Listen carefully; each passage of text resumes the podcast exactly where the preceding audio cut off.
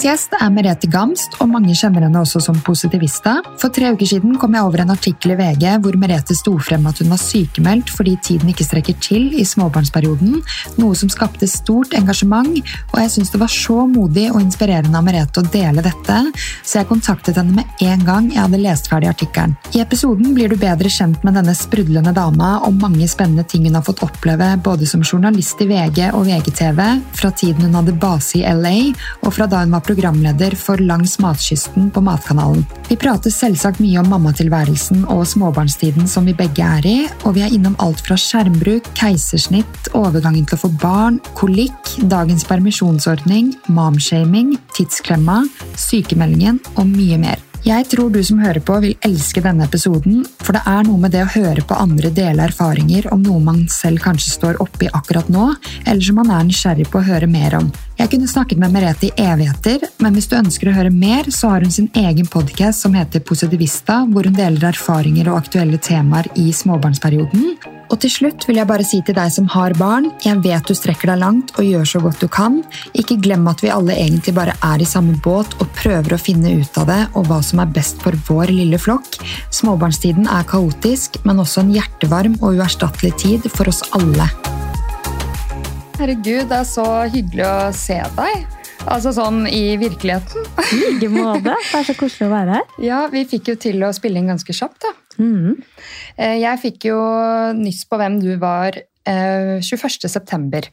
Da satt jeg ved kjøkkenbordet mitt, og samboeren min satt ved siden av meg. Og jeg satt og leste VG, og han prøvde å fortelle meg noe. Og jeg var litt i min egen verden, og han var sånn Sitter du og leser VG når jeg snakker til deg? Jeg bare ja, vent! Og da var det jo denne overskriften om deg som, som het 'Merete ble sykemeldt, tiden strekker ikke til'. Men før vi går inn på det, denne sykemeldingen, så vil jeg gjerne høre om dette lykkelige kaoset som vi lever i. Hva du jobber med, bli bedre kjent med deg. Ja, for vi er jo i samme situasjon, vi to, på mange måter. Ja, vi får ja. kjørt oss litt. Ja. Men det er koselig at du beskriver det som lykkelig kaos, da. fordi det er veldig beskrivende, egentlig, det altså. Det er ikke alltid det er like lykkelig, men, men ofte er det det òg. ja.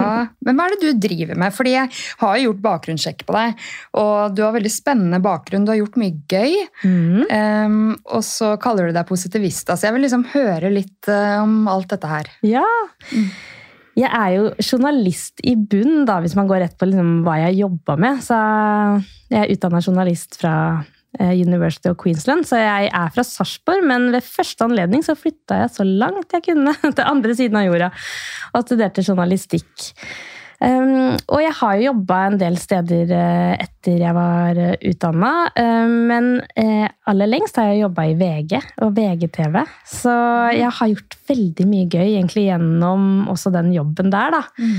Så um, i 2012 så flytta jeg og kjæresten min til Los Angeles.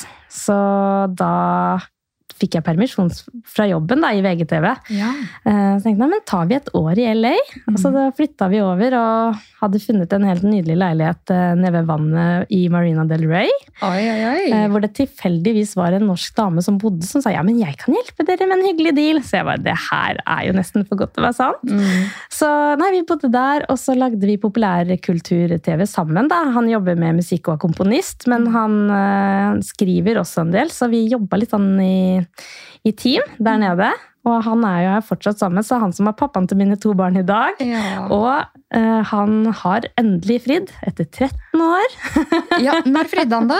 Nei, Det var i fjor sommer, så bryllupet blir i 2025. For vi tenkte først at uh, sommeren 2024, men når vi fikk unge nummer to, som har på en måte krevd ganske mye mer enn vi så for oss. Tenkte vi det skjer ikke. Vi har mer enn nok med å overleve akkurat nå. ha litt sånn hodet over vannet, Så det bryllupet, det får bli senere. Ja. så vi går for 2025 nå. Men uh, vi har uh, opplevd veldig mye sammen. Og etter vi um, mm, jobba i LA, hvor vi, hvor jeg også var og dekka Oscar og Grammys, og jeg var uh, intervjua disse store stjernene. Sånn. Ja, noe som heter Junket. Det er jo når de skal lansere film og sånn, så får man vært der og møtt disse stjernene, da. Så det har jo vært, uh, vært, gøy, det. Men når Matkanalen spurte om vi skulle lage et reiseprogram for de, hvor vi uh, møtte noen av de fremste kokkene i USA, så var vi sånn uh, oh yes, let's go!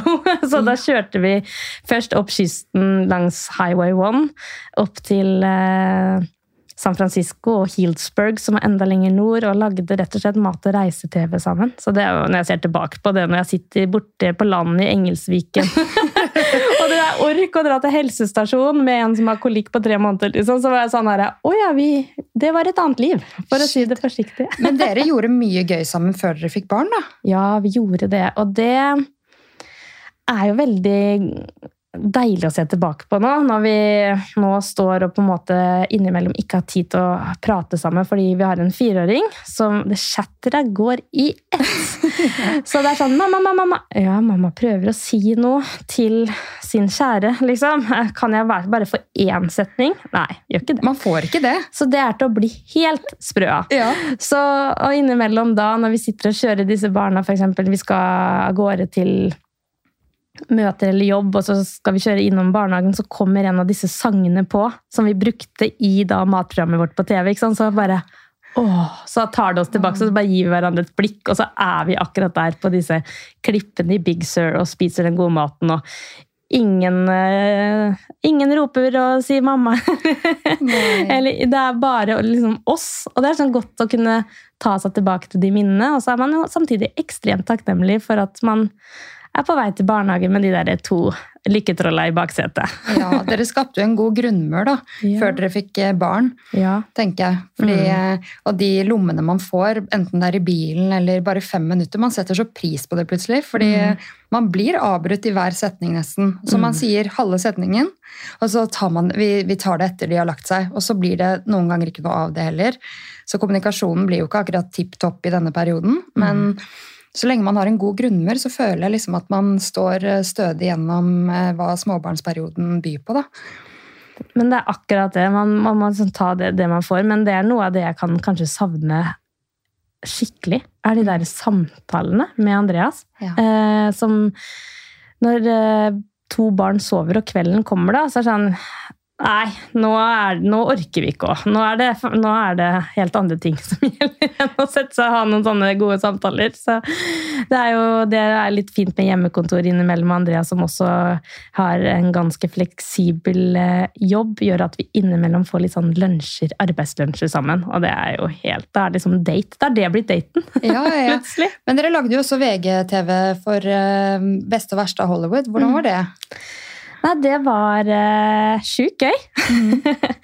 og det er jo som jeg var inne på et helt annet liv, egentlig. Uh, men da bodde vi i Marina del Rey, og så uh, farta vi ofte opp til Hollywood, hvor mange av intervjuene ble gjort og sånn. Og så var det en sånn gyllen tid i LA. Det var liksom før korona, og det var jo uh, Barack Obama som var president, og USA var et sånn spennende land. og Det var så mange nordmenn som flytta dit, og det var liksom mulighetenes land. da. Mm. Og det var så mange nordmenn som gjorde det helt sykt sykt bra òg. Ja. Eh, så det var jo kjempegøy å være der og få lov til å løfte fram andre nordmenn som gjorde det bra innen eh, musikk eller film. ikke sant? Mm. Tommy Wirkola han gjør det jo kjempebra fortsatt. Og så hadde du Morten Tyldum. Og ja eh, Musikkprodusenter, ikke sant. Justin Bieber-produsenten var norsk. Og, ja, så det var jo alt fra Jeg husker Andreas, da, som jo er komponist og jobber så mye med klassisk musikk. Det var ikke hans høydepunkt i karrieren, kanskje, men vi var jo på og fulgte etter Justin Bieber på hans turné. Så jeg var jo litt sånn, og jeg fikk jo snakka med Scooter Brown, jeg møtte Justin Bieber og sånn. Men da sto vi jo der litt sånn i kampens hete med Beliebers, og den tok jo helt av. så på et tidspunkt der hvor Andreas var ute og filma og kosa seg. Det var varmt, så han hadde på seg slippers. da. og så titter jeg ned på beinet til Andreas, så blør han. Jeg var sånn, fordi beliebersene har hoppa på bena, på, liksom, på tærne så det renner blod. Jeg bare Å ja. Så det var ikke hans liksom, nødvendigvis favorittøyeblikk, men jeg tenker det er en sykt god det er, det er, faktisk morsomt at uh, du slåss med Beliebers da, for at jeg skulle få mitt intervju med Justin Bieber. Men fikk du det? ja. Gjorde ja, ja, ja. du det? Så fikk de bekrefta at det kom en ekstra konsert i Norge, og det var jo midt i dette hysteriet, så det var, uh, det var gøy, det, altså. Så, men jeg har også vært og laga f.eks. Justin Bieber-dokumentar, så jeg har vært i Canada, og Herregud. da lagde vi en artikkel for VG Helg som het Bieber belte. Og da var vi møttes, så jeg snakka med besteforeldra til Justin og pappaen hans. Og, ja, og så møtte jeg hun som Det var en musikkonkurranse for langt tilbake i tid, helt før Justin Bieber breaka. Eh, og da var det vel sann at hun vant, men Justin Bieber kom på andreplass. I en talentkonkurranse så møtte jeg hun som vant. Og hun jobba på en sånn takeout-restaurant. Og så da, ja, jeg vant den konkurransen, men det var på en måte han som ja. Så det ble en del sånne historier, da. ikke sant? Når man jobber i LA, det er jo der du plutselig står og, på dansegulvet, og så er det Matty Perry, liksom Hei, Chandler, som står, du står og danser. Altså, det er jo helt sånn et absurd sted å være. Men første gangen jeg var i LA og tenkte at her vil jeg bo, det var når Michael Jackson døde. Og jeg ble sendt dit for VG. Mm. Og når jeg var der da, så tenkte jeg sånn ja, hvorfor ikke bare egentlig bo her og jobbe med dette? Ja. og så møtte jeg Andreas, og første dagen vi møttes, så snakka vi faktisk om USA. For han er eh, oppvokst i San Francisco. Han har bodd der i veldig mange år, så han har gått på high school der. og sånn. Så da snakka vi om det å skulle bo litt der, da. Og så ble det sånn. Noen år senere så flytta vi sammen, så det er ganske kult. Herregud, for en Ja. historie. Men uh, når er det dere bestemte dere på denne reisen til å få barn? Eller uh, kjærlighetsreisen deres? Vi skjønte etter hvert når vi var ute og ralla, som jeg sier, rundt om, at det her er ikke helt forenlig med å få barn. Eh, fordi på et tidspunkt der også når vi gjorde veldig mye av den Matkanalen-TV-serien som vi gjorde sammen, og vi reiste, da gjorde vi også Karibien og vi gjorde Norden og vi gjorde forskjellige steder. Men da hadde vi jo leid ut leiligheten på Grünerløkka, eh, og så hadde vi egentlig ikke noe eh, sted å bo. Omtrent. Vi var liksom ute, så vi, vi var en del i Stavern, da, hvor familien hans har et sommerhus, så vi var en del der. Og så, men så kjente vi sånn mm, Det er jo Hvis vi skal få barn, så må vi faktisk legge om livsstilen vår litt. Eh, er vi villige til det? Og så var jeg sånn Ja, er vi det? skal vi liksom gi slipp på dette? Men så var den tanken om å være en gjeng. Ikke bare være oss. Noe enda mer meningsfylt. Sånn, vi har gjort det, men fortsatt så kjente jeg også at jeg savna det. Jeg husker faktisk en, en julaften hvor vi var hjemme hos kjente at jeg ble litt sånn følsom da jeg bare sa det. For jeg husker så godt en jul vi var hjemme, og søsteren min var der med hennes eh, barn. Og jeg og tante, og liksom alltid bare helt topp å være tante, men det var en jul da hvor jeg satt og bare kjente ah, jeg vil ha det her. Jeg vil ha noen sånne småttiser som løper rundt og er gira på å åpne pakker og bare har stjerner i øya. Og tenkte liksom Jul uten barn? Nei, det var bare så tydelig for meg at det her vil jeg ha. Så jeg bare kjente liksom at jeg ble sånn følsom når jeg satt der. Begynte jeg faktisk å gråte litt. Jeg var, ja, var litt rørt, men så innerst inne var det jo sant at jeg også kjente på en litt sorg. da. Eh, For er det sånn at vi har valgt dette livet, og da var- hadde vi jo også begynt å snakke litt om det og prøvde litt, og jeg ble ikke gravid med en gang. Så det var litt sånn, har vi vent, tenk om vi venter for lenge? Har jeg vært opptatt av bare leve dette livet uti der, og så går jeg glipp av det her nå. Så jeg fikk faktisk en litt sånn frykt i meg for det, da. Um, men uh, så ble vi jo det, da. For uh, litt over Ja, nå blir det jo nesten fem år siden, da, siden hun er fire år nå. Eh, og det var verdens beste dag. Når jeg så at den gravidtesten var positiv. Da tenkte jeg det her er det, er- det, er, det er det viktigste nå, er dette.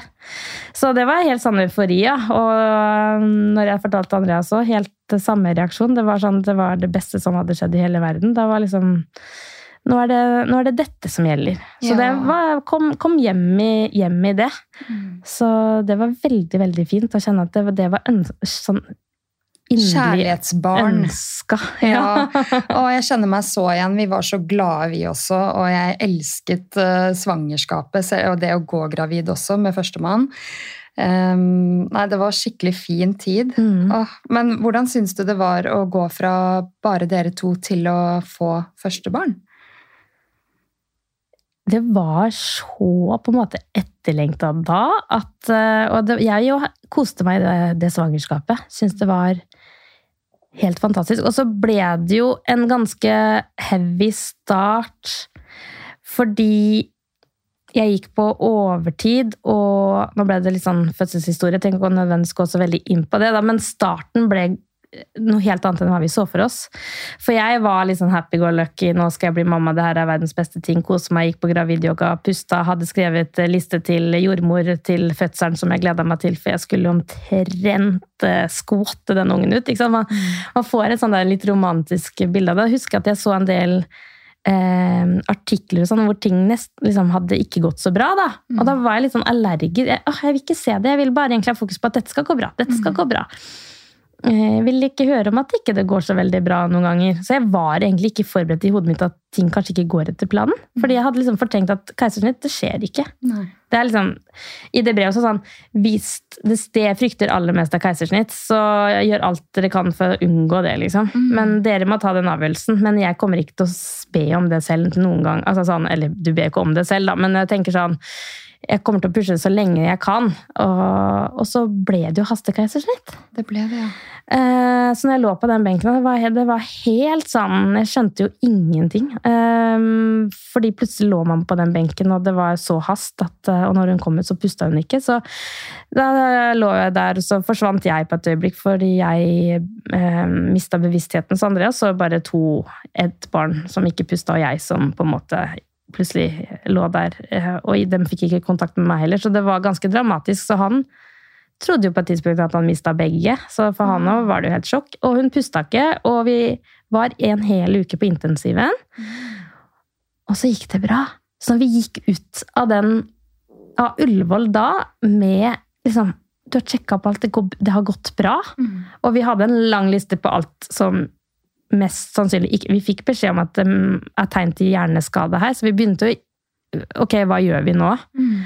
Um, så det å gå ut av det, det var den, den, beste følelsen i hele verden. At nå skal vi.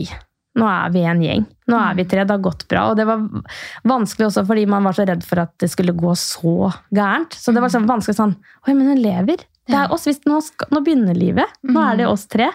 Så det var den fineste tingen. Og da tenkte jeg nå skal, jeg bare, nå skal vi verdsette hver dag. Så det, det å få den, den, starten der gjorde også noe med at jeg bare Jeg verdsatte hvert liksom, jeg virkelig prøvde da med, med, min første, og jeg prøver det fortsatt. Men, men bare den der eh, takknemligheten over at uh, her er vi. Mm. Det gikk bra. Her er hun. Så da, da, gjorde det noe med oss. Og da dro vi også til Stavanger. Da orka vi ikke besøk, for det var så mye å ta inn. Så jeg tenkte sånn, nå må vi bare begynne litt sånn på nytt etter den uka. Så da dro vi til Stavern. Det var bare oss tre og gikk turer i naturen. Ja. Og liksom bare var Og så skal vi prøve å bli kjent med dette bitte lille vesenet som som lever, som er her. Ikke sant? Så det var, det var helt eh, Det var veldig, veldig sterkt. Men, men, det gjorde noe Det gjorde noe, noe med oss. Og, og, for jeg husker også når jeg så andre som gikk liksom inn og ut omtrent. Så liksom gikk og liksom dingla i den bilstolen og babyen ut når vi sto og venta på svar. Så tenkte jeg ah, vet dere hvor heldige dere er? Ja. Vet dere hvor heldige dere er? Mm. De kan gå ut og sette dere i den bilen med den bilstolen òg. Ja. Ah, ja. Så det var, det var um, det har, det har, fulgt oss videre, da. Mm. Men hun har også vært med dere på eh, langs kysten ja. Og, ja. og det er det som at hun, Da ble jeg også sånn Vi skal leve dette livet! Hun skal bli med! Ikke sant? Da vi først kom inn i grooven, så var jeg sånn Hva kan vi gjøre? Og så ble hun med. Så vi lagde eh, mat- og reise-TV med Amelie som hang i den derre eh, Bæreselen! Ja, nydelig! vet du. Og så går hun så glad i mat av den puppen. Den kula en baby som satt og dingla og var så blid og var med oss. Og jeg husker når vi dro på Stesans in the Woods i Sverige, som er sånn midt ute i skauen, hvor de har helt latterlig god mat, og de serverer liksom tolvretters midt ute i skogen der. Du bor i glasshytter. Og da sov hun ute i skauen. Ja. Liksom, så tenkte jeg Jeg vet ikke om vi hadde Jeg hadde en babykolla, men da satt vi og spiste elveretter og filma til TV-serie. Og Andreas og jeg da ja. produserte alt selv da. Og hun var med. Og det, liksom, det, er, det er så gøy at vi bare vi gjorde det. Og så tenkte vi når vi får nummer to, så skal vi gjøre det igjen. Mm. Det ble ikke sånn. Men eh, før vi går inn på nummer to, hvordan var det å ta med lillejenta på jobbreiser rundt? Ja, det tenkte jeg liksom Når jeg også ser tilbake på de videoklippene, så blir jeg sånn varm inni meg, da. Uh, Jeg så jeg- den der fra Sverige, skjønner du. Ja. Sykt fint. ja, Dere satt i mørket der og spiste med bålpanne Ja. eller bål, eller ja, ja, det er ja, helt nydelig. Og det som jeg merka på den lille babysen òg, var når vi bodde i sånne glasshytter, så lå jo gjerne midt inn, i senga med oss ikke sant? og sov godt med henda over i, henda i været. Og, og så har hun sånne der gladlyder. Når vi våkna, så liksom ropte ut med naturen. Og liksom, jeg bare følte at liksom jeg var så glad som kunne gi det til henne. Selv om noen ja, husker jo ikke det. Nei, men det er en følelse. Det er sånn, det. Gi den, den følelsen. La oss være sammen i dette. Ja. Eh, så da var vi jo sammen som en familie, og så var det en sånn Det føltes ikke egentlig helt som jobb heller, fordi det er det vi elsker å gjøre. Og det Amelie var bare en del av det og koste seg med det. Hadde hun ikke gjort det, så kunne hun ikke ha gjort det heller. Så det er noe med at man må gjøre det på sånn barnas premisser på et vis også. Men jeg tenkte sånn, ok, vi bare, vi bare uansett vi tar, tar henne med, dette skal vi fikse. Og så, men så var jo hun en sånn unge som ja, dingla og var med og var stort sett blid. ja. Så, Og etter noen år så bestemte dere dere for å prøve å få henne til? ja. Ja. Hvordan var var den prosessen, da? Jeg husker faktisk når vi sto på, på sykehuset, og det hadde gått en uke, og vi skulle reise hjem med Amelie. Og vi var liksom så glad at det hadde gått bra. Jeg husker jeg skulle ta på henne det hentesettet som mammaen min hadde strikka. Og det var jo altfor stort, så jeg, vi holdt, jeg holdt det på å le meg i hjel. Og jeg hadde så vondt når jeg lo, for jeg hadde så vondt i det der keisersnittet, liksom. Og, så, og i det operasjonssåret. Så jeg au, au, au, og så holdt jeg, holdt jeg, holdt jeg på å le meg i hjel. Og så sier Andreas Jeg vet at ikke det her er min kropp, og jeg vet kanskje det her er helt malplassert, det jeg skal si nå. Og jeg bare Hæ, hva skal du si? Vet du hva? Jeg har lyst på en til, jeg. Og så ble jeg sånn Jo! Så sa jeg det har jeg tenkt på! Og det var så rart. Og det er selvfølgelig der er man en sånn rus og liksom at det har gått bra, men bare den følelsen at tenk, når du ser dette lille vesenet, det har vi skapt. Vi kan jo ikke stoppe nå. Så vi kjente på en sånn Og så kom det jo en krevende periode med Amelie hvor vi sa skal vi bare ha én, eller? Det holder i massevis, det.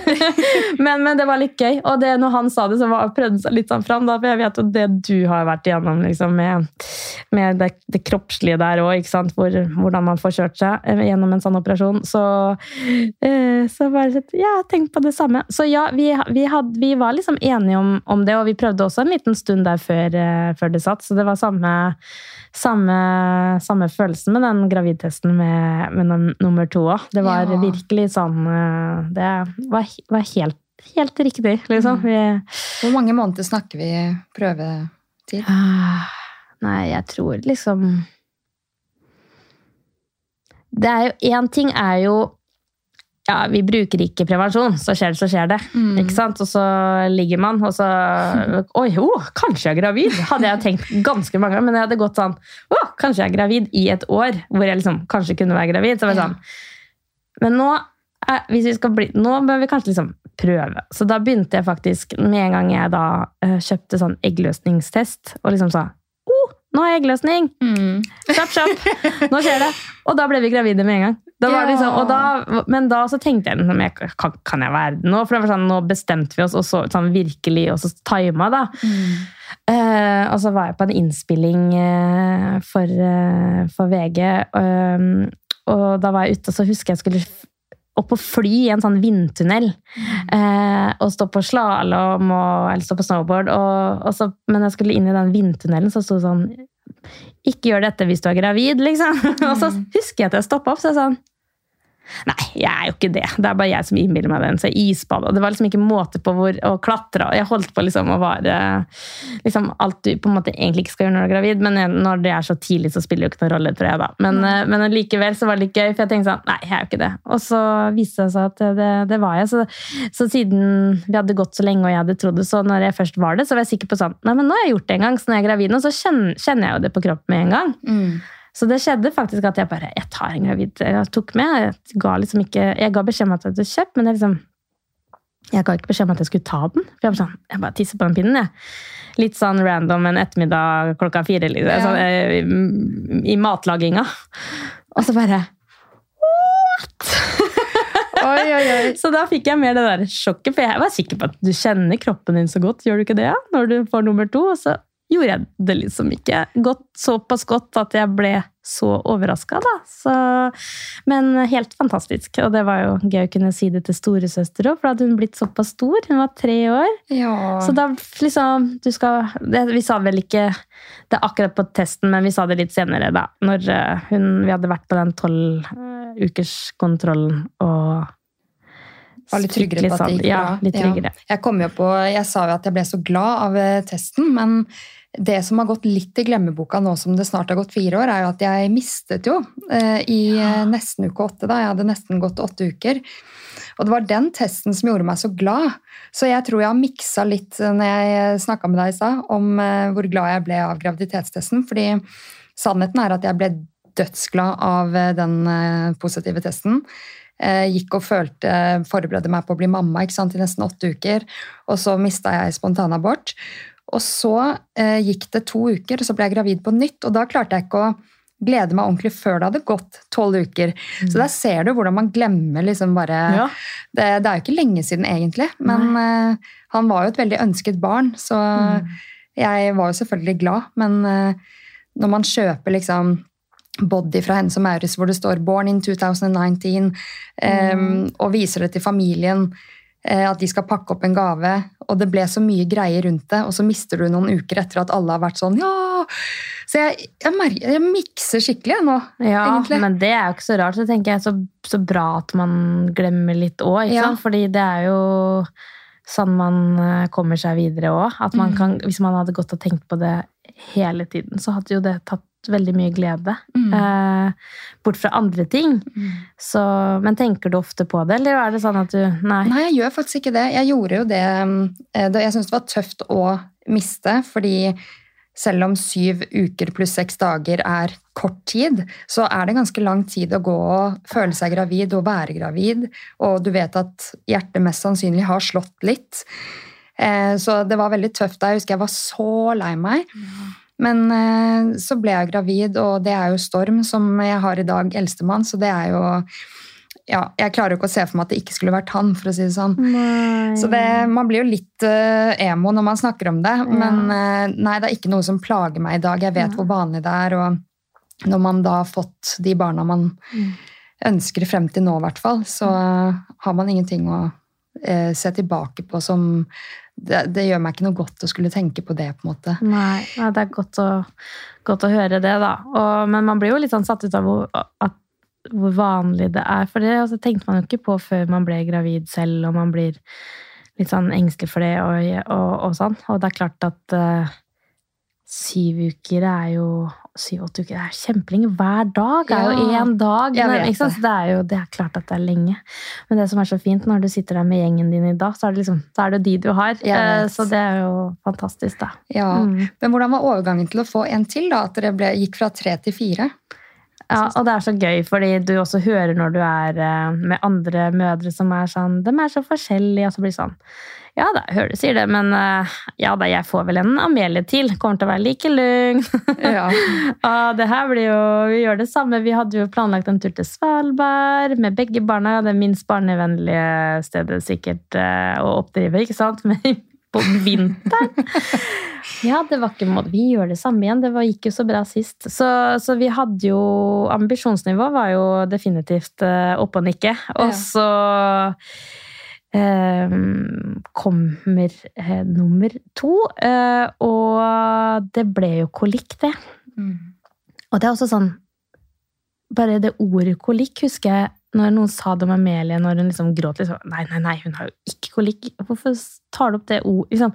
Det er sånn, Nei, nei, det har hun ikke. ikke sant? Jeg skal slippe unna det. Det er ikke, ikke sant? Og så kom han plutselig så bare Å ja, nei, jeg kunne visst også få en baby med kort. Det er jo ikke, ikke? Det er ikke noe du kan styre selv. da. Og det liksom, Man, blir, man, man innbiller seg kanskje litt at man eh, Jeg så i hvert fall for meg fordi det er det man har fra før, og det man har å sammenligne med, er jo det mm. barnet man har fra før. Så jeg så jo for meg bare at det skulle komme en som nesten så lik ut. ikke sant? Og så bare Hæ, hvem er du?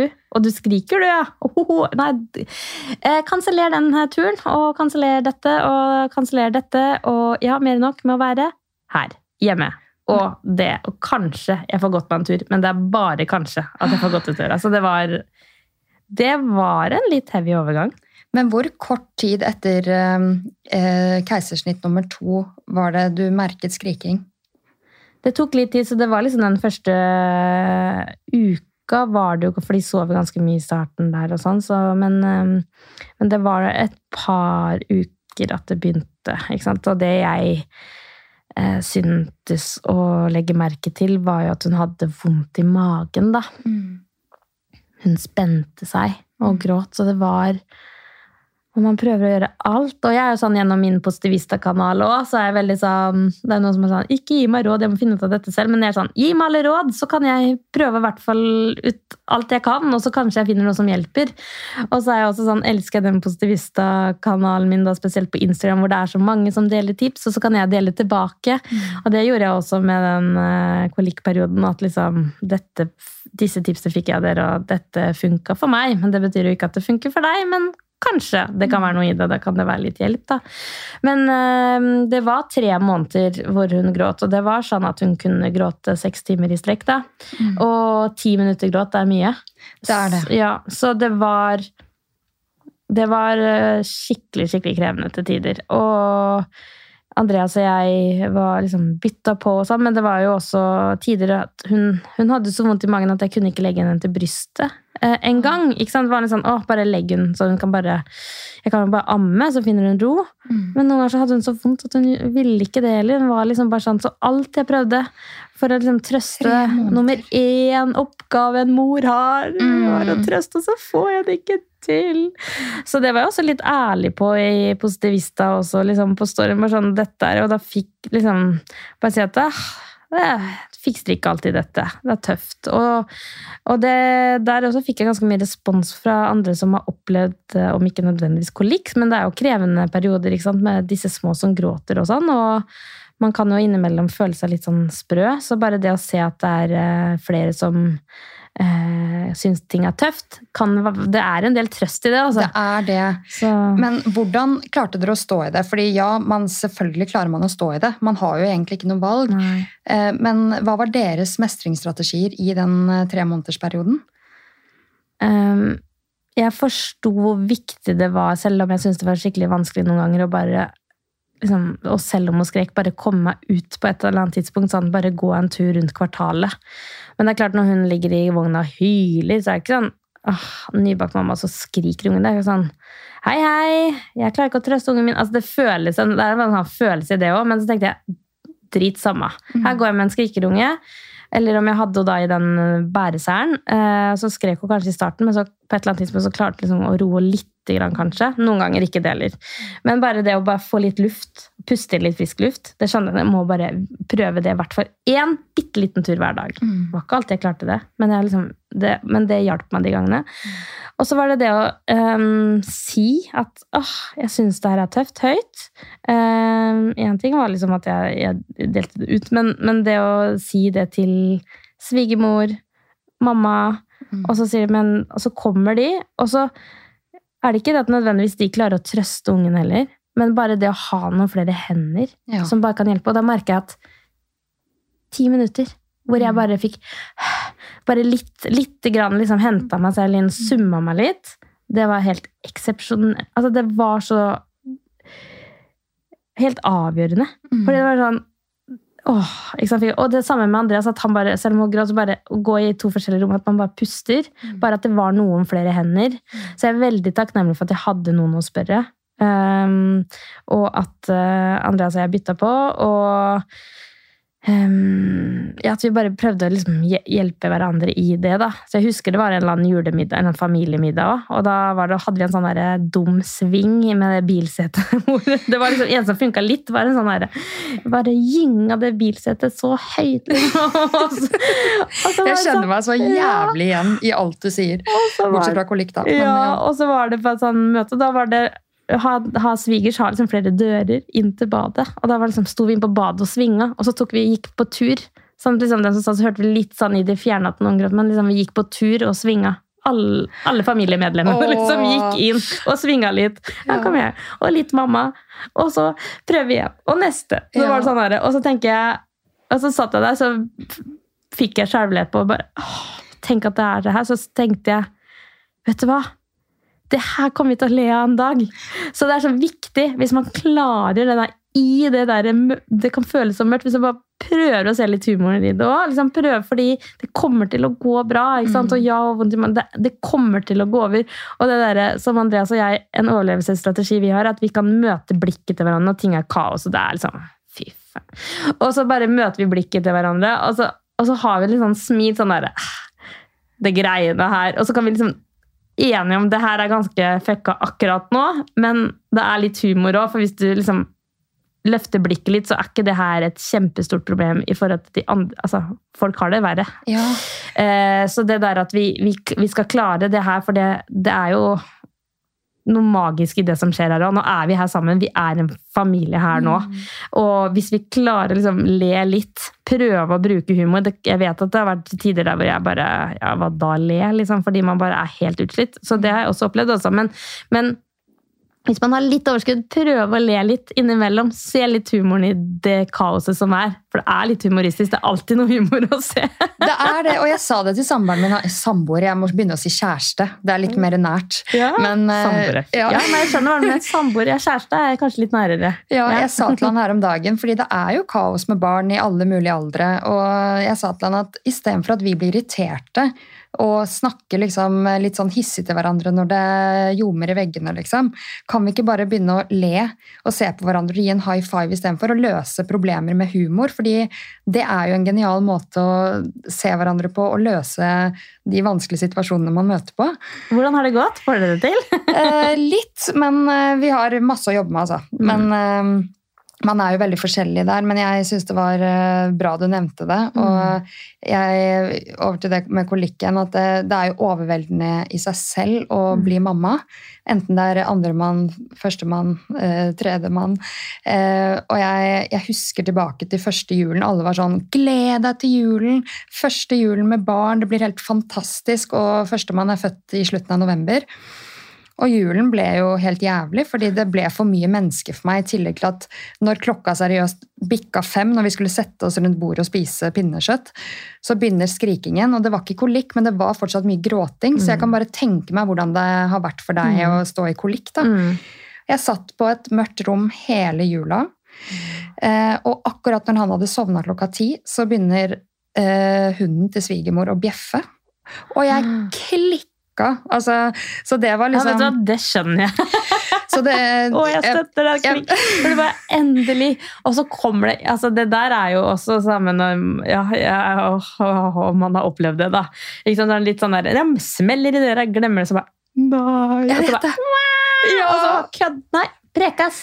ja, eller når man setter inn i oppvaskmaskinen. Jeg husker liksom, For oss så var den søvnen veldig hellig. Mm. Um, og hvis noen begynte å klirre med glass da, ja. eller uh, noen gikk forbi meg når jeg gikk tur og snakka høyt i telefonen Jeg hadde lyst til å klikke ikke. Ja. Altså jeg merket jeg var så sensitiv på alt som var sånn Ikke ødelegg dagen min, mm. men man mister jo litt sånn uh... Å, jeg kjenner meg så igjen. Og så er man ute og går tur, og så er folk så blide, og så Hallo! Så sier hun sånn kjempehøyt hei, og du bare!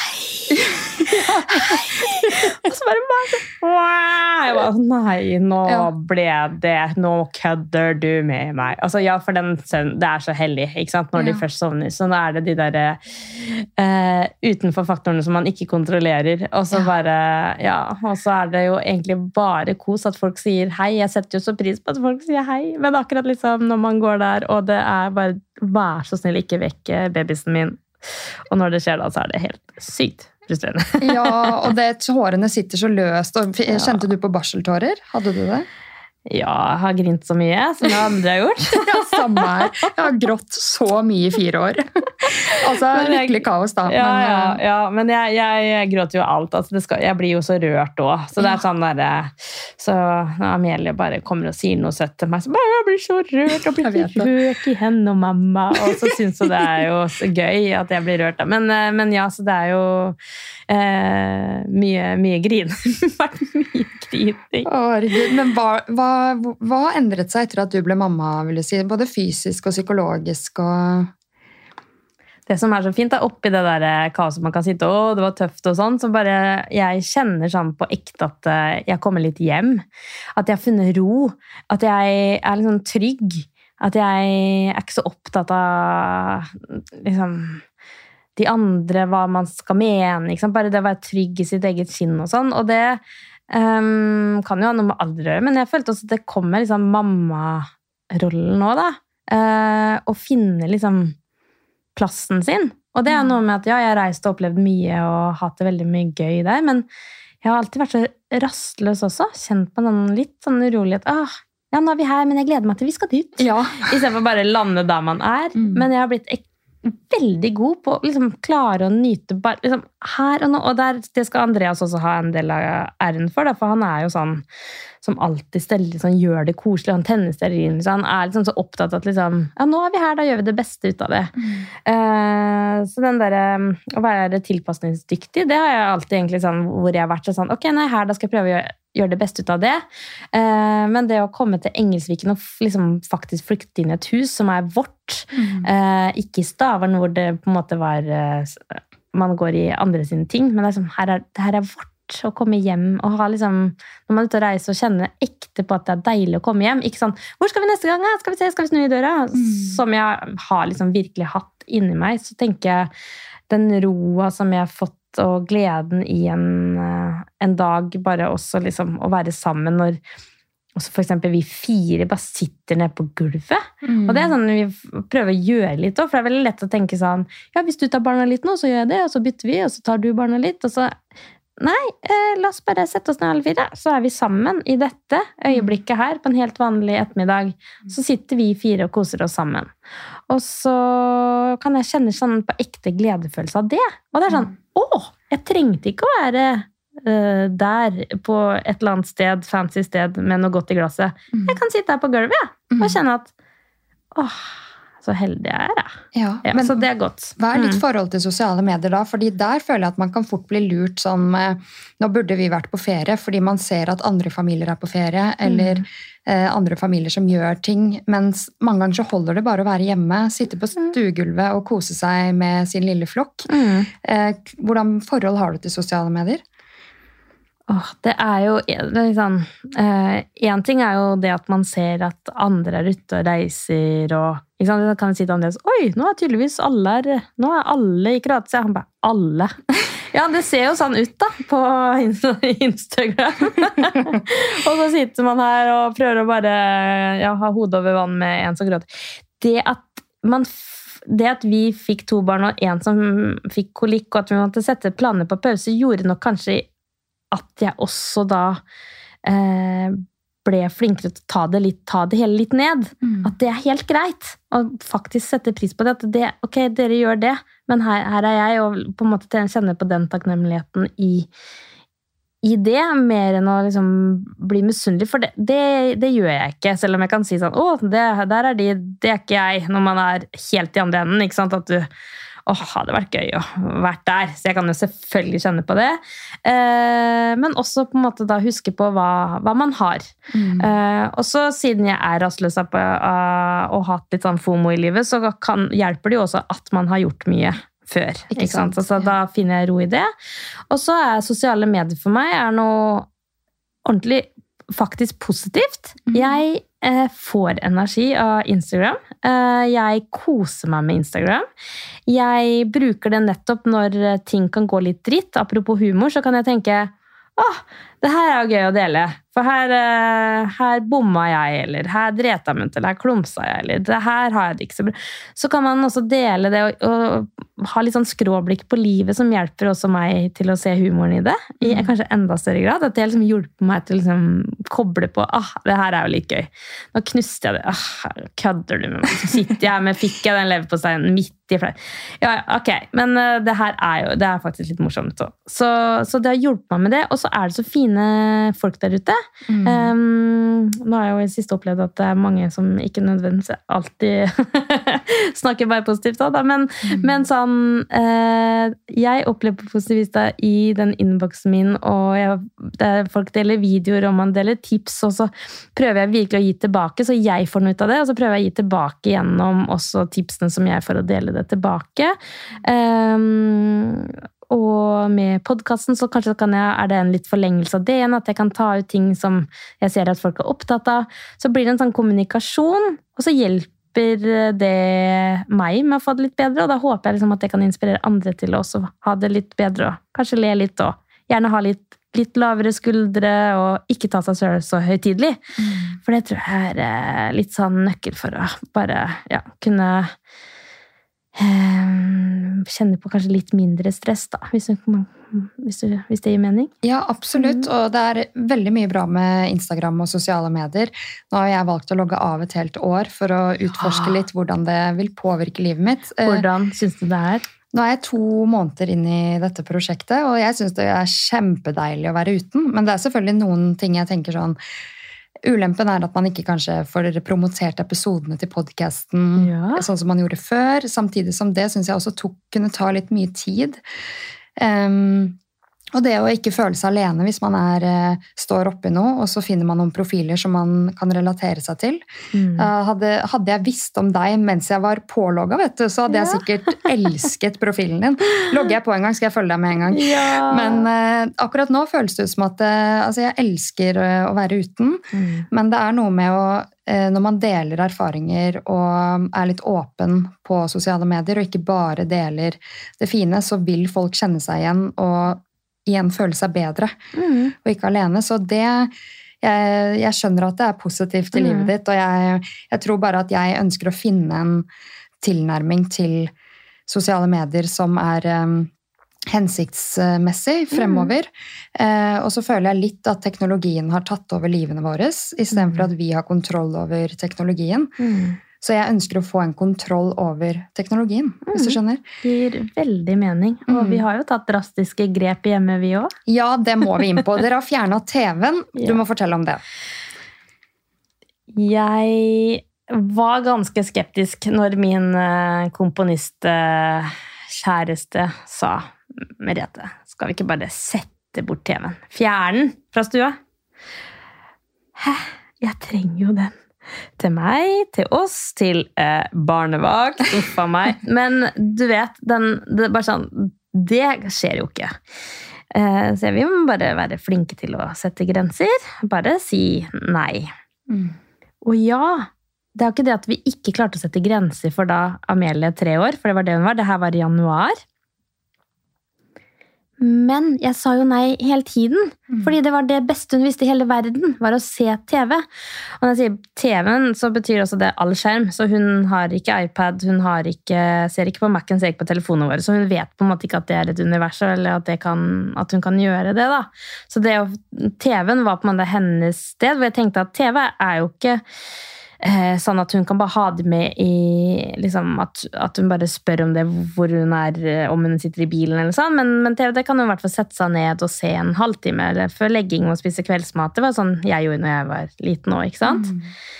Men utfordringen var jo at det var det hun aller helst ville gjøre i Mm. livet. Og det var sånn Første hun spurte om når hun slo opp øya på en lørdag, var Mm. Kan jeg se på barne-TV? Ja, ja. Og når hun skulle legge seg, så sa hun én episode til. Da.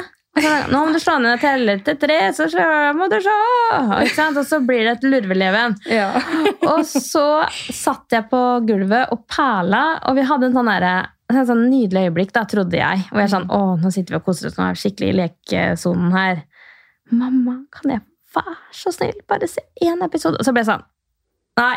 Andreas, eh, jeg er med. Vi Ja. setter bort én uke, så bare prøver vi en uke. Vi bare fjerner den. Og Amelie gikk jo helt i kollaps og skulle skrive brev til TV nå, for det var etter jul. Det bare, kjære TV, liksom, kan du skrive brev? Kjære TV, kom tilbake, jeg savner deg. Åh. Men det gikk to dager, altså. ja. Og så var den TV-en egentlig liksom glemt. Mm. Så det var en, et par kollapser hvor hun sa at hun savna den. Ellers så var det bare rett på leken. Og det vi så, da slapp jeg å si nei på kvelden. Da slapp jeg å si liksom krangle. Så det vi så sånn veldig raskt, var at hun gikk opp den trappa til andre etasje, pussa tenna og la seg uten krangling. Ja. Og jeg var sånn Ok, eh, en uke, det gikk fort. Vi, vi prøver en uke til.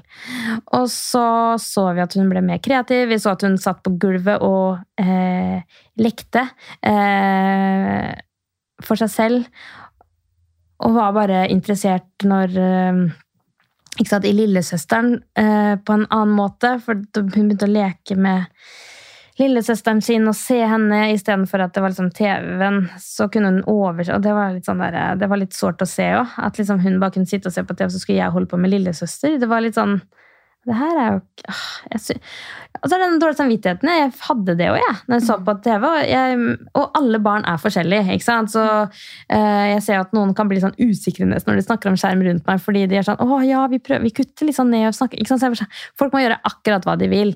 Poenget også er at alle barn er forskjellige. Vi har en, en nabo, og de har et barn som er akkurat like gammel som Emilie. Hun kan ha på TV-en, og hun bare går rett forbi og er ikke interessert. ikke sant? Eller ser to minutter, og så videre. Amelie er sånn som meg, går inn med hud og hår. ikke? Og det går ikke an å snakke til henne. Det tar ett sekund, så er, liksom, er, hun så inn i det som skjer på den skjermen. Mm. Og så er det en annen ting med teknologi. Hva er det de ser? Og plutselig så satt jeg der en dag og så, så på TV-en, så var det noe My Little Pony. Mm. Eh, som hadde sant, På Netflix som hun ville se på, som jeg trykka på, som jeg ikke egentlig hadde sett noe særlig selv. Man hører jo et halvt øre. Og da hørte jeg bare den ene My Little Pony ble sur fordi hun hadde fått så få likes. Og jeg er sånn Nei, av med dette! Nei, skal vi finne noe annet, til? og så ble jeg sånn Det her er jo Hva blir det også fint? Så det er en annen diskusjon igjen nå, da, men hva er det disse små hjernene blir fine? Du ligger der og bare får de inn. Mm. Nå, når hun var syk nå, bare forrige uke var hun hjemme en hel dag. Altså, hun spør ikke om Det er ikke sånn, Hun har det ikke på radaren, men hun bare ligger og bare blar i bøkene sine. Hun tegner, hun, altså, hun, hun gjør andre ting. Um, perler Bare hold, finner en eggekartong og bruker den som fotball. Altså, hun bare bruker som, Og så er vi jo med sammen, da. Ikke sant? Så vi er med sammen. Så vet du hva?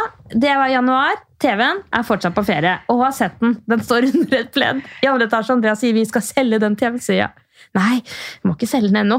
Så ja, skal den stå der og samle støv, da? Ja, litt til, da. Så det, har, det, er litt morsomt at jeg liksom klarer ikke å selge den TV-en, da. Men, uh, Men jeg elsker ja. det valget dere har tatt. Ja. Og vi har jo denne diskusjonen hjemme flere ganger, men vi har eh, blitt veldig, veldig strenge på skjermtid. Det funker også veldig godt hvis man står i det. Mm. Det var det vi ikke klarte før. Og uh, fireåringen vår um, han eh, var litt sent ute med språk uten at vi visste hvorfor. Det var mye bekymring rundt det og ble tema i barnehagen og på helsestasjonen og sånn. Men så fant vi jo ut etter lang, lang, lang tid at det var eh, masse væske i begge ørene. Eh, så han har jo ikke hørt nesten de første to og et halvt året han levde, stakkar. Så han fikk jo dren. Men i den perioden når vi var i uvisshet om hva dette var, så tok vi ned TV-en i tre måneder. Og det funka så mye på eh, samspill, leking, den biten der. Eh, ja, han reagerte på at eh, veggen var tom og var sånn TV borte, borte, og liksom hver gang. Men så gikk det over ganske fort. Mm. Og barn er tilpasningsdyktige. Hvis man bare står i det, mm. eh, så venner de seg til at eh, enten det er strenge regler eller at noe blir borte. på en måte, og mm. Vi gjør det fra et godt sted. Det er jo mm. ikke for å være slemme at man fjerner skjerm. Vi vil jo, det er jo, Alle disse dagene her er jo nettopp livet. ikke sant? Mm. Og vi ønsker å kjenne på den ekte tilstedeværelsen med våre egne barn. Mm. Og det er vanskelig når Jeg har alltid en bismak, jeg, selv om de får en halvtime eller time i løpet av dagen.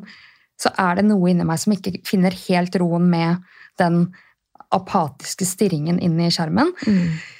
Eh, men så vet jeg at det er mye glede i det også, men jeg tror bare hvis man ikke legger, tar, tar ned TV-en sånn som dere har gjort, så er nøkkelen å bare stå i det mm. og ha noen regler. For man kjenner jo folk som har padder i alle hjørner omtrent, mm. og det er i hvert fall vi. Mm. Eh, pluss skjerm, og så gjerne samtidig på.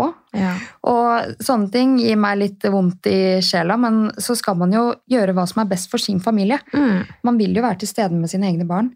Og nå har jeg snakka så mye om sant, hvordan tiden ikke strekker til, og jeg forstår den derre åh, men de må i hvert fall sette seg litt sånn og se, og de er jo slitne etter barnehagen og eh, sette seg og se litt eh, skjerm mens man lager mat sånn, og jeg, jeg har så forståelse. Mm. Eh, så bare, bare det vi opplevde, var jo at ehm, ehm, hun da bare istedenfor å sette seg ned foran TV-en, så setter hun seg heller foran og ned på det lille bordet og tegner. Så det er bare at det har Mm. Liksom. Så, så, Men det også tok jo litt tid før man kom dit. Men når man først gjør det, så, så har det også vært bare at hun, at hun underholder seg selv litt mer, da. Mm. Eh, og så har jeg også alltid brukt det samme. Sånn, å ja, men dere er så slitne, må bare hvile foran. Men så ser jeg Ja, men det hvor mye energi det egentlig er i dem Hvis de ikke har den sant? Man blir, de blir jo slitne av å se på skjermen. Ja. Men folk må finne helt ut av dette på, på egen hånd. Jeg bare ser at eh, Amelie har blitt mer glad, og så er jeg veldig glad for at hun minste og nå på en måte ikke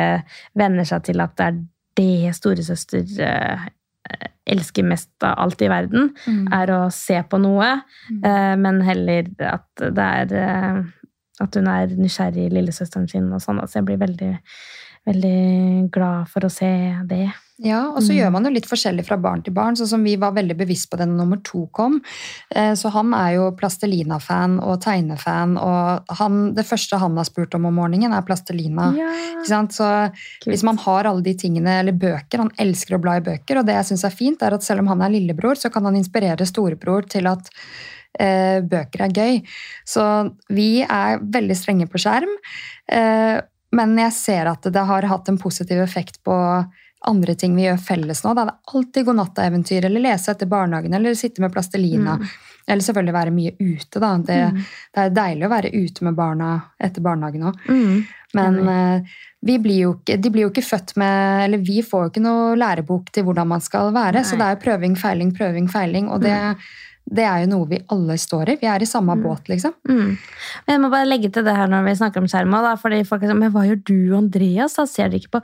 Det er som at Vi har faktisk en eh, prosjektor, så vi har mulighet til å på en måte, Vi har sett litt serier med prosjektet, da gjør vi litt sånn stas på selv. Ja, eh, når vi ser på. Og eh, nå i helga vi har en eh, venn som er med i Stjernekamp. Han Ja. Odd René fra Fredrikstad. vet du. Oh, ja, ja. Røk og en kaffe, liksom. Han er helt nydelig. Han, eh, så jeg skulle dit og heie på han på lørdag. Og da ble det Andreas og Amelie hjemme. Uh, Vilma hadde sovna, for det er jo ganske seint. Skulle være oppe lenge, og da satt hun der med stjerner i øya. Fikk popkorn, storskjerm. Ja. ikke sant? Og da ble det sånn wow. altså, Hun var jo helt i ekstase og få til å se det. Og så så liksom mamma på TV bak med sixpence som jeg hadde på fordi venninna mi er merch-ansvarlig. og jeg hadde ikke noe, Så jeg satt der med sixpence og bare, mamma! Så det så gøy. Så, så hun har jo det. så Det er liksom viktig å kunne liksom henge litt, litt med og være med på noen ting. Ikke sant? Jeg husker vi var på noe sånn Bjørnis-show i Fredrikstad. Så sier hun sånn Ja, dere vet den sangen på slutten eh, av episoden eh, som det er på når dere ser på TV? Og Amelie bare ropte Men mamma, jeg har jo ikke TV! Nei. Hei, hei, ja da, det var hun, hun som eh, vokser opp uten TV, liksom. Litt sånn, føler seg nesten litt sånn, eh, ja.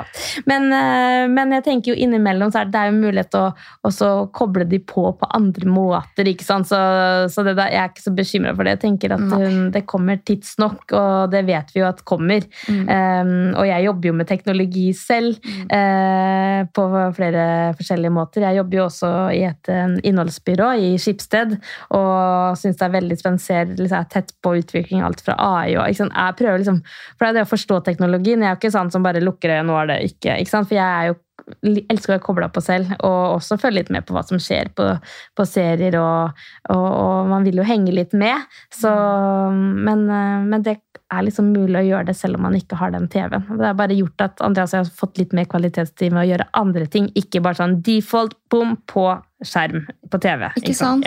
Ja. Og eh, lille fireåringen spurte i går sånn eh, Mamma, hvor har du vært? For jeg spilte inn tre episoder i går. Eh, så jeg hadde vært borte hele dagen og fikk ikke henta i barnehagen og sånn. Men jeg kom hjem da før leggetid, så hvor har du vært? Og så sier jeg jeg har vært inne i byen. Så ble jeg sånn Ok, nå legger jeg fra meg maten, for jeg satt og spiste.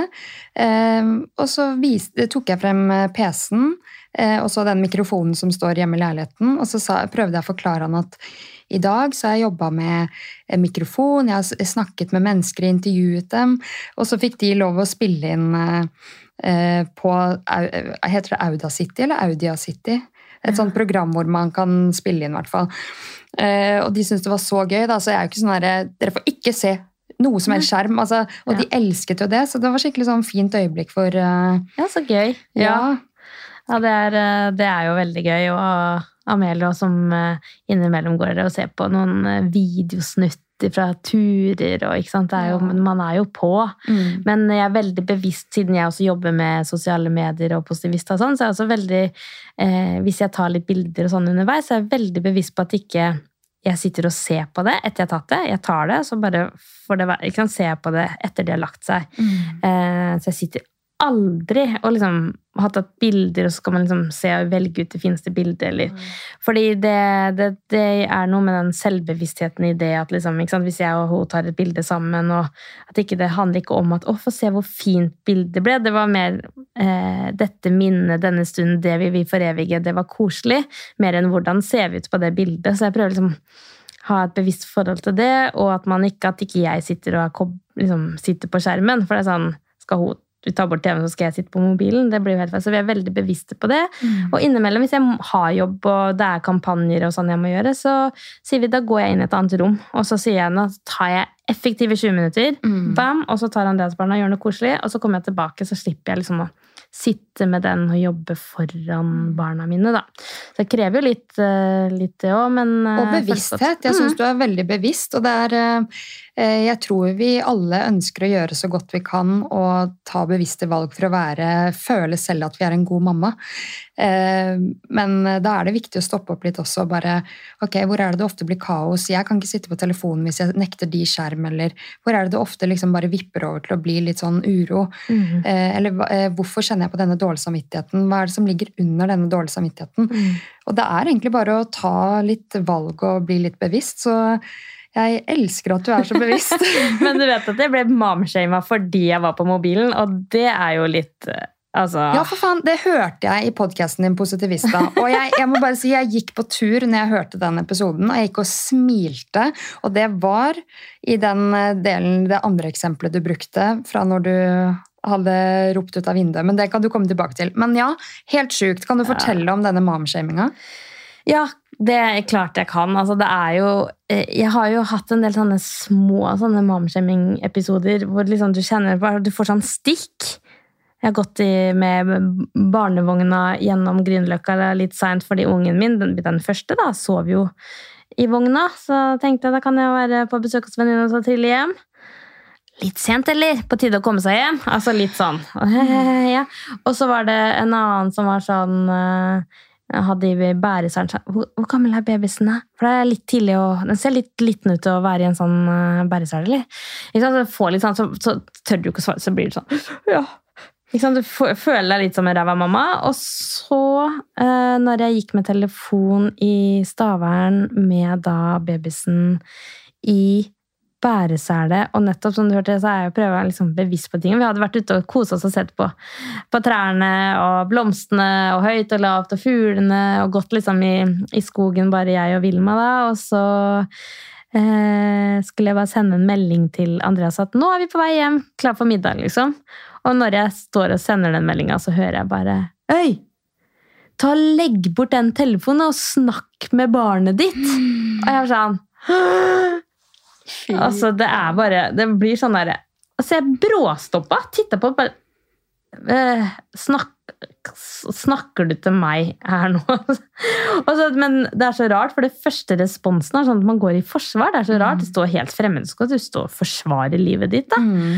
Bare Jeg skulle bare sende melding til ja. at jeg var hjem til middag! Men så fortsatte hun sånn Ja, men du snakker jo ikke med babyen din. Du har jo skjermen for det. er det verste jeg ser.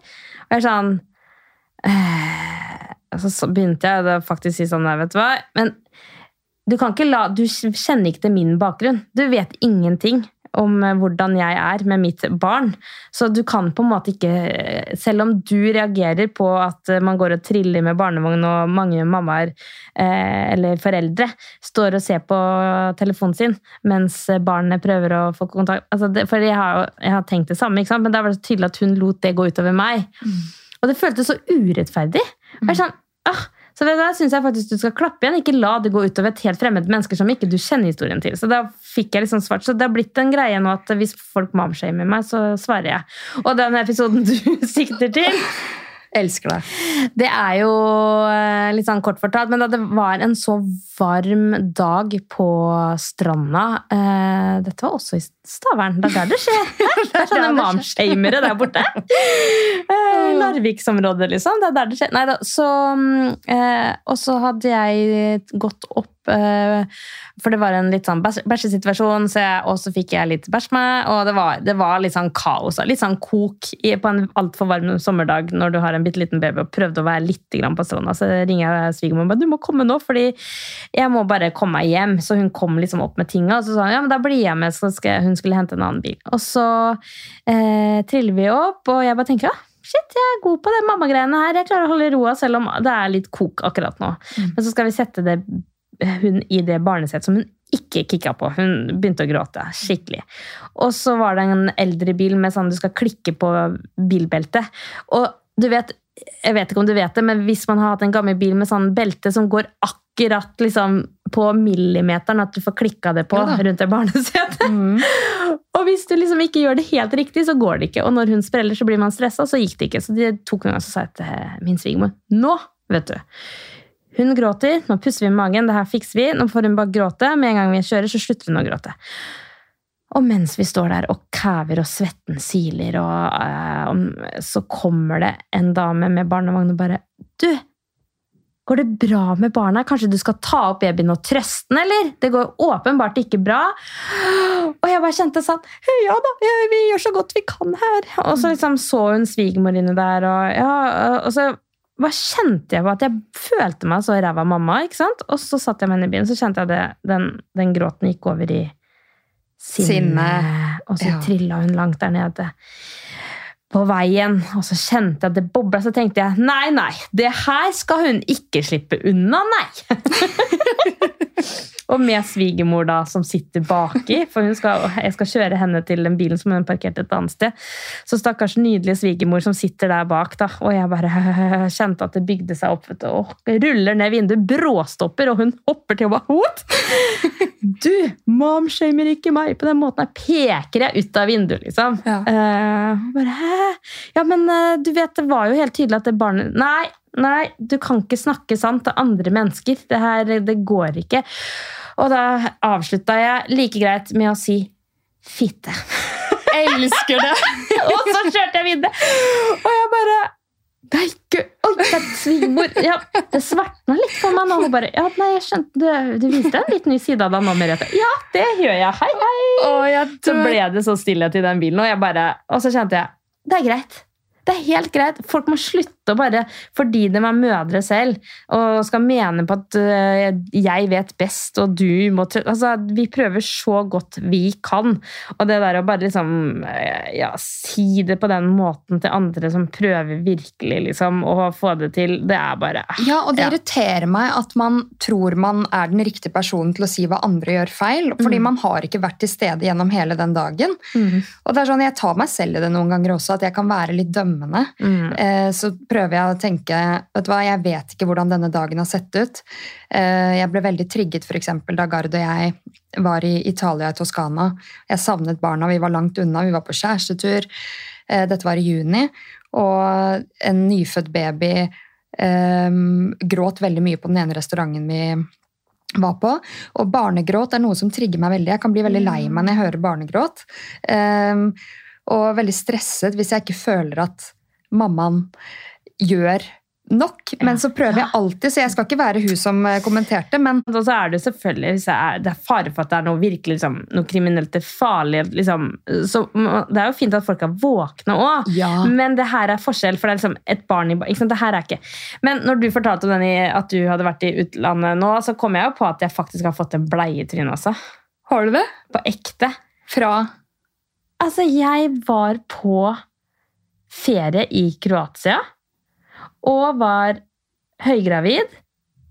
Og Amel Men tenk, jeg var sånn der, brukte hun Ja, brukte blei innimellom, sånn på, på natta, liksom. Og så, og så uh, har vi ligget nede ved solsengene der, masse ting. øh, og så var det jo typ 40 grader, så det var litt for varmt egentlig å være høygravid i den varmen der. Men jeg kosa meg også, men det var jo mest inni aircondition, men det var jo deilig nok bare det. Så det som har skjedd, er at jeg glemte igjen en bleie ved solsenga. Og det er ikke kult hvis folk glemmer en bleie. Altså, jeg er helt enig i det. Det var ikke, ikke noe bæsjebleie, men altså, uansett, bleie på det, det, skal ikke, det skal du kaste i søpla. Helt enig i det. Men at noen blir så forbanna at de har gått opp i resepsjon, oppsøkt oss, funnet hotellrom, Hæ? går inn, banker på døra, og jeg høygravid åpner, og så sier hun 'Den her er din, eller?' Så holder hun opp, og så kaster hun i trynet mitt! Og så går hun, og jeg bare «Hæ?» Hva faen? Og da var jeg i en sånn situasjon hvor jeg da klarte jeg jo ikke å svare. Jeg bare, da, for da ble jeg helt sånn satt, og jeg kom ut sånn Jeg fikk en bleie trynet! Å, herregud! Og da klarte jeg ikke å le av det med en gang. Det tok litt tid, fordi jeg var sånn Hvor og så, jeg, jeg tror til og med jeg sa sånn I'm sorry, liksom. At det ble sånn. Fordi du går jo i en sånn derre ja, Nei, vet du hva. Så folk er gærne, tenker jeg. Så, Åh, morsinstinktet, det har sine sider. Altså, jeg merker at det trigger folk til feil, så raser jeg, liksom. Ja, det, ja. Jeg har 100 eksempler, men det var litt gøy å gå innom uh, Ja. ja. Herregud. Men uh, vi må snakke litt om dagens uh, permisjonsordning. ja. Ja, hva, hva syns du om den? Jeg kan bare snakke ut fra hvordan jeg opplevde det, men jeg em, var tilbake i jobb uh, når barnet mitt var eh, syv måneder, nå sist. Uh, for jeg hadde den nye permisjonsordninga, så tok jeg 100% permisjon. Da er du tilbake når barnet er eh, syv måneder. Og jeg opplevde at det var eh, for, skikkelig for tidlig. Naturstridig. Eh, Naturstridig, helt riktig, fordi det er jo det òg. Og nå når vi hadde da eh, Da var hun over kolikken, det roa seg etter tre måneder. ehm, men da hadde det endelig begynt å komme litt sånn i gjenge med babyen, og så skulle jeg på jobb. Og da pendler jeg jo også til Oslo. ehm, og hun var bare syv måneder, så nå er jeg bare en liten baby. Og det er klart at han Calvin kommer til kort da, når han ikke har Pat med melk, liksom. Så han står der, og hun gråter, liksom. Og jeg skal av gårde med sprengte pupper etter en time. Liksom. Hun har ligget så mye på brystet, og ikke tok hun flaske, og ikke tok hun smokk. Uh, har aldri gjort det.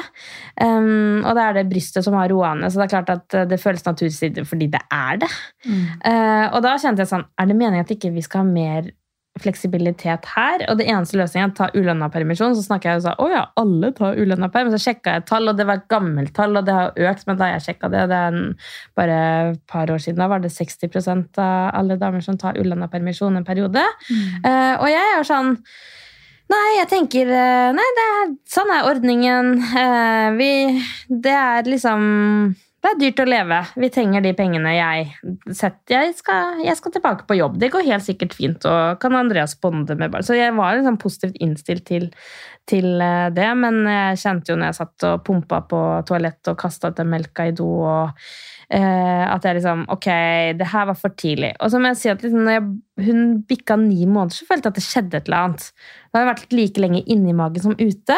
Og det var samme med Amelie, som da var på den andre gangen. Da var jeg ni måneder eh, hjemme. Og det, da var det en annen følelse å være tilbake på jobb. Og så var det en annen baby òg. Nok en gang. Alle er forskjellige, barna er forskjellige, og alt sånt. Men med eh, lille Vilma så var det for tidlig. Og så er jeg heldig som har en fleksibel jobb, så jeg har litt hjemmekontor og litt sånne ting. så vi har klart å få det til, men de dagene hvor jeg skulle være lenge borte, så, så, så var det skikkelig tøft. Og det var liksom litt ærlig på. Og så er det noe å knagge det på likestilling. Og så mm, kommer jeg fra en familie med sånn sterke kvinner som er opptatt av det òg, da. Eh, En søster som jeg var tilbake etter fem måneder. skjønner du. Det er jo noen, noen som gjør det òg, som syns det er greit. Men, men jeg forstår hvor det kommer fra. Fordi med å knagge det på likestilling, så betyr jo det at vi har sett at hvis det er full valgfrihet, så er det mammaene som er hjemme, og pappaene er på jobb. De aller fleste. Mm. Og det betyr at eh, det blir mer attraktivt å ansette menn. Og det betyr at vi får flere menn i styrerommene som tar de viktige avgjørelsene Mm. for samfunnet vårt, og for oss kvinner og for barna våre. Så hvis man løfter blikket og liksom se på ringvirkningene det gjør hvis det er full frihet, og det er vi mamma som er hjemme, så, og, så, så forstår jeg hvor det kommer fra. Men så har resultatet blitt at de fleste kvinnene tar eh, de som kan, tar ulønna eh, permisjon. Og de som ikke kan, sånn som også da jeg som gikk tilbake i jobb, eh, kjenner på eh, naturstridigheten i det. At det er drittøft Det å skulle eh, ikke sove om natta. Nattamme. Jeg har en, en baby som fortsatt ikke sover om natta. Mm. Spesielt godt. Jeg er oppe mange ganger i løpet av natta, og det er fortsatt liksom å ligge inntil meg som ror henne. Og dra på jobb og skulle levere og komme hjem, hente da barnehagen. Nå er jo også Vilma begynt i barnehagen. Hun har akkurat blitt ett år, så hun har vært i barnehagen, begynte før hun ble et år. da. Så det er klart at um, det har jeg kjent skikkelig, skikkelig på. Og da er, har jeg også sett tall på dette. Det er faktisk veldig mange som blir sykemeldte.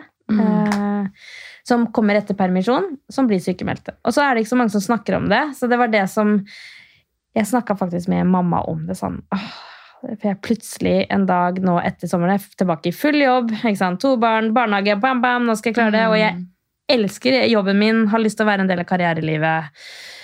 Og så bare plutselig en dag så bare virker ikke armen min fordi jeg har fått betennelse i skuldra. Jeg klarer ikke å løfte den. Hodepine, sånn intens skallebank, sånn at jeg bare øh, må ligge i fosterstilling.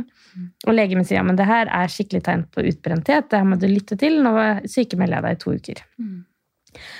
Og så kjente jeg på den når jeg snakket med meg, fordi plutselig så var jeg borte fra sosiale medier. Folk lurte på går det bra med deg, eller liksom, var de plutselig jeg bare borte. Og så sa jeg bare ja, men sendte jeg noen tallemeldinger sånn ja, men jeg har fått betennelse, men jeg skal ikke taste så mye, og jeg sliter litt med hodepine og sånn, så jeg eh, er sykemeldt. Men så sa jeg også til mamma sånn, skal jeg dele at jeg er sykemeldt? Så sa hun nei, kan du ikke bare si at du tar en timeout? Ja, men mamma, hvorfor er det så skam... Hvorfor, hvorfor det? Er det ikke akkurat derfor det er viktig, da? At jeg deler at sykemeldt. Jeg er sykemeldt. Um, også, men jeg, kjenner, jeg skjønner hvor det kommer fra. Spurte henne, og så sa hun hvorfor, hvorfor tror du det? Hun sa nei, men jeg husker bare den gangen jeg var sykemeldt. Da turte jeg ikke å gå på butikken, for jeg følte at jeg skamma meg sånn. Mm.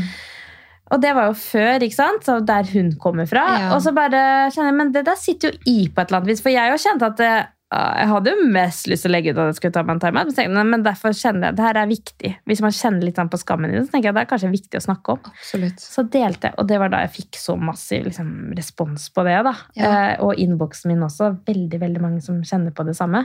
Vi løper, vi løper, vi løper. Vi vil så veldig gjerne.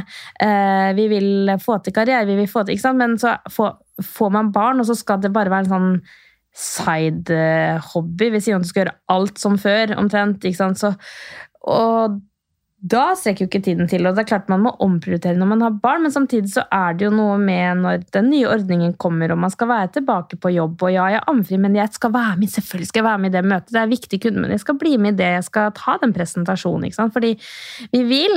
Ja. Og det er klart at eh, når man da henter i barnehagen, og så kommer den der kvelden, og så tenkte jeg, åja, skulle jeg skulle jeg, Var det sånn at jeg skulle trene òg? Var det anbefalt, eller? ja, ikke sant? Jeg kom tilbake på jobb, jeg trente ikke én gang plutselig. Liksom, fra permisjon, hvor jeg faktisk liksom var med på poledansing og tok opp ridning. Og altså, det var sånn der, Hellighet, så deilig det her er nå! nå liksom, det er akkurat på de siste to ukene av permisjon.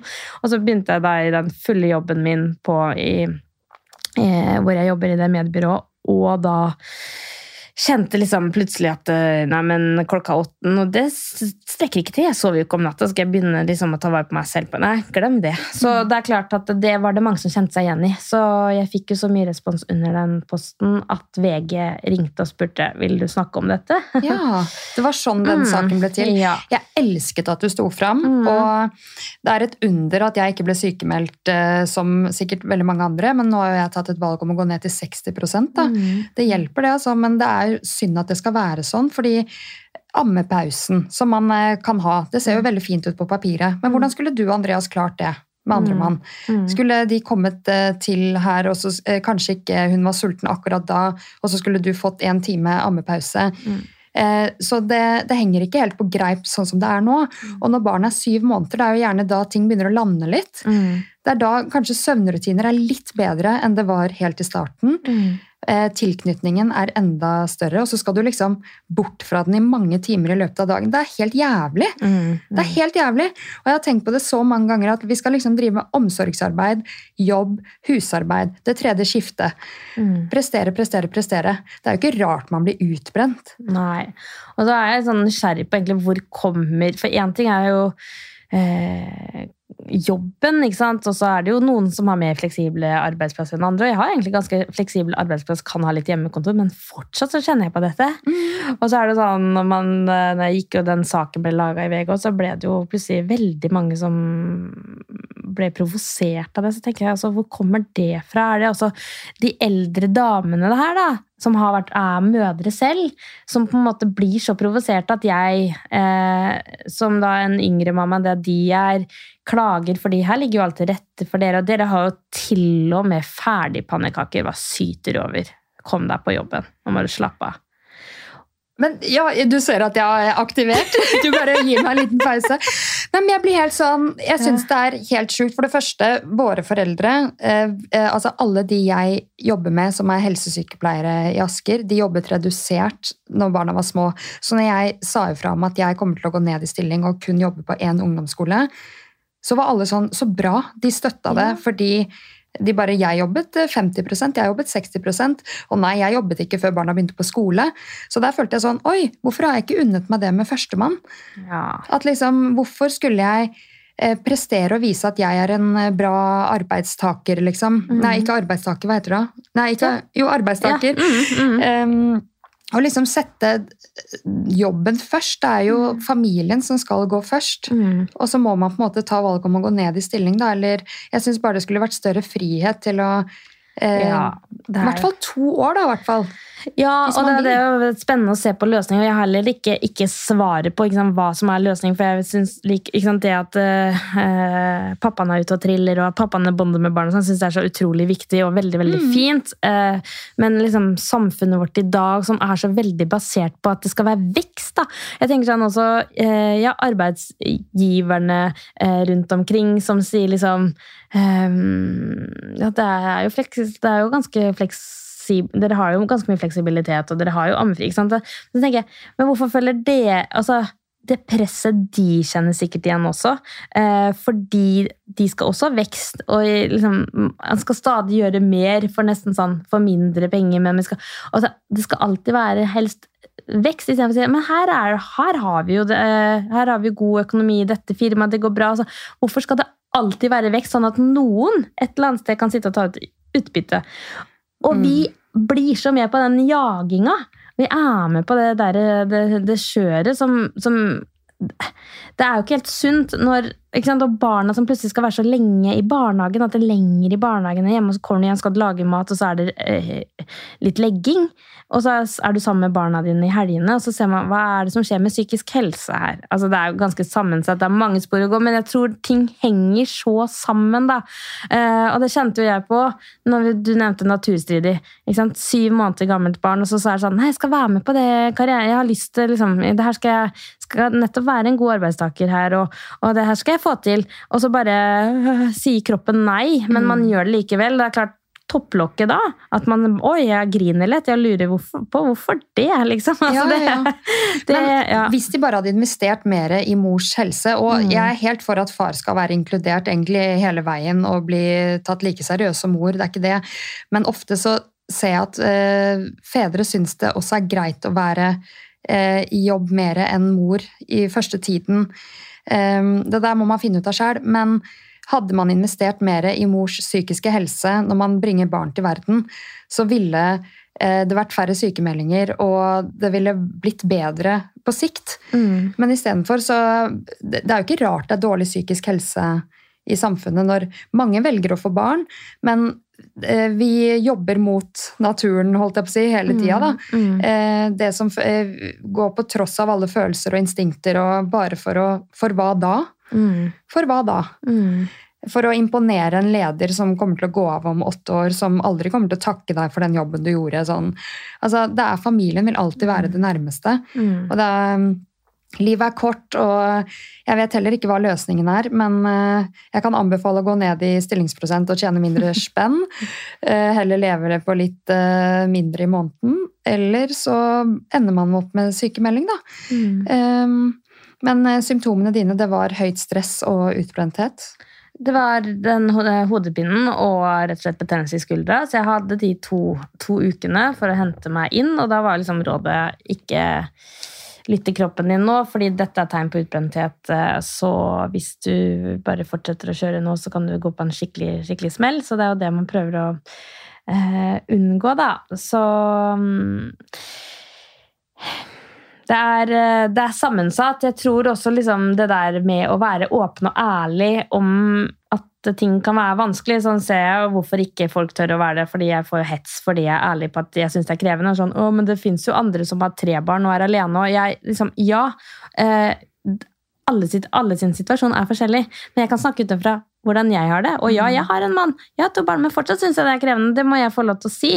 Eh, og det at man også på en måte er litt eh, eh, åpen om utfordringene, eh, så tenker jeg i hvert fall at vi kan få litt fokus på det, som gjør at eh, vi også kan få litt politikere på banen og se.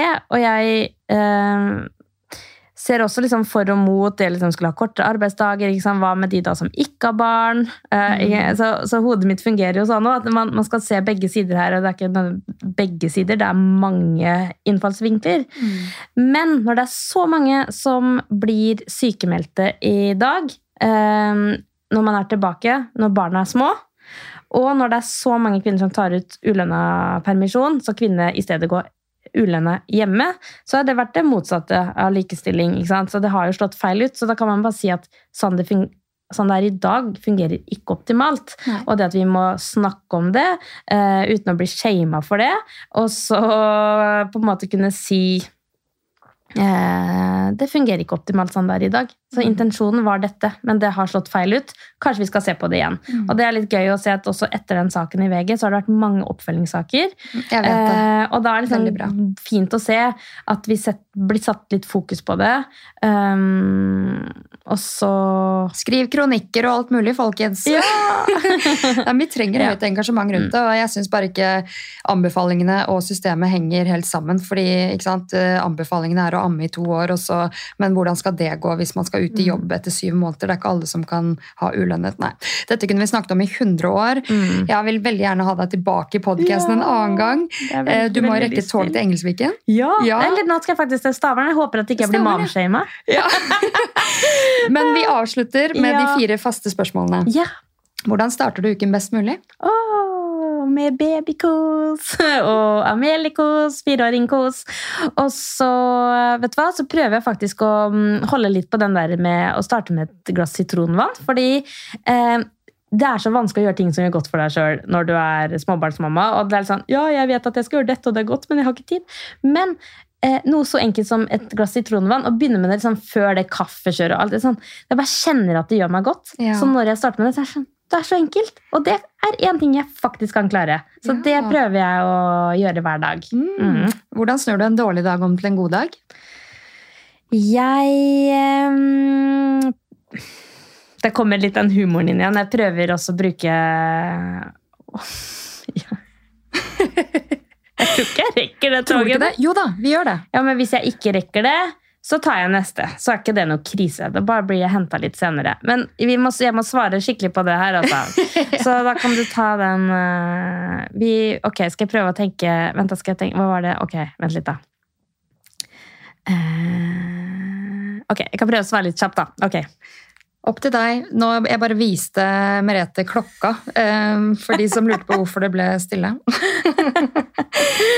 Jeg så at jeg hadde litt dårlig tid, men jeg er jo god på å løpe. Jeg, jeg løper jo fra sted til sted, er det ikke det som er sånn den røde tråden her? Så jeg skal løpe videre. Ja. Så skal jeg rekke det toget. Du, Hvordan jeg snur en eh, dårlig dag til en god dag, det er eh, med, med humor. Tenker at ok, nå gikk det dritt, men det her blir en god historie. Eh, det kan være å pumpe på med litt eh, musikk, og så er det faktisk uansett når det er på året, så det derre å ta et bad. Nå er jeg heldig som bor i Engelsviken, men vet du hva? Et bad, liksom, og gjerne hodet under, liksom, hvis man kan, at det ikke er for kaldt, så er det sånn Ok, I got this. Ja. Ja.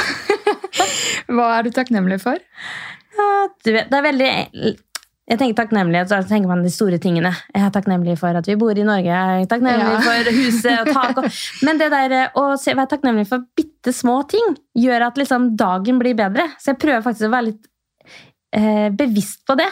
Så istedenfor å se at å, det var det noe Andreas ikke hadde gjort, som jeg hadde satt pris på han hadde gjort, for eksempel, så tenker jeg takknemlig for at eh, ting han har gjort.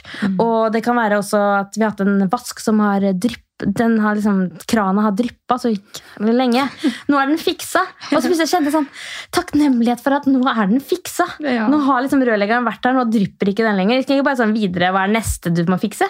Men takknemlighet for at den krana ikke drypper. Å herlighet, jeg kjenner så takknemlighet for det. Veldig enkel ting, og så blir dagen litt bedre. Ja, Så viktig. Herregud. Man må begynne å se hva partneren gjør, fremfor hva som ikke er gjort. Hva, er det, hva inspirerer deg? Og det er så stort spørsmål, for det er sånn øh, jobb, men inspirasjon i livet. Men Andreas, min kjære, altså den gode samtalen inspirerer meg. Jeg blir inspirert av å være her og snakke med deg. Jeg blir inspirert av når, Nå er det jo litt sånn luksus øh, å få gode samtaler med partneren når man har små barn, som vi var innom på i stad, men når jeg først har det, og vi setter oss ned, og da kan jeg bli inspirert av da kan vi sitte og ha sånn øh, små grep i hverdagen som vi kan gjøre for at ting skal flyte litt bedre. Eller det kan være eh, de store tingene, at vi kan ha sånn inspirasjonssamtale om hvor vi vil i livet, og målsetninger. Eller bare sitte og skravle og le og, ta, og dele et glass vin og bare sjase. Da, altså det er, be, min beste inspirasjonskilde er rett og slett Andreas, altså. Min kjære. Åh. Skal vi være enige om avslutningsvis at det er nå livet skjer? Ja, Ja. det er nå. nå. Jeg fikk et veldig godt tips av en venninne som var sånn Hva gjør du for å liksom stoppe tiden? Og så sa jeg jeg legger meg inntil barnet mitt, så lukter jeg på det. Ja. Tar jeg og lukter skikkelig godt. Eh, og tar inn lukta av barna mine, liksom. Og så ble jeg sånn Ja, det skal jeg bli flink til. Og det har jeg gjort.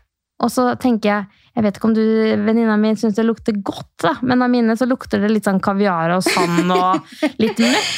Men allikevel så tenkte jeg åh, det her er lukten av barnet som har vært ute og levd eh, den dagen. Så kjente jeg ja, det lukter ikke spesielt godt, men jeg setter pris på det. Det, det er her og nå. Så det er eh, koble på luktesansen. Bra tips.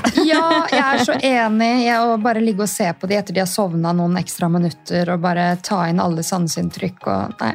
Ja. Men du, tusen takk for at du kom til Moderne Media og gjesta podden min. Veldig koselig å være her.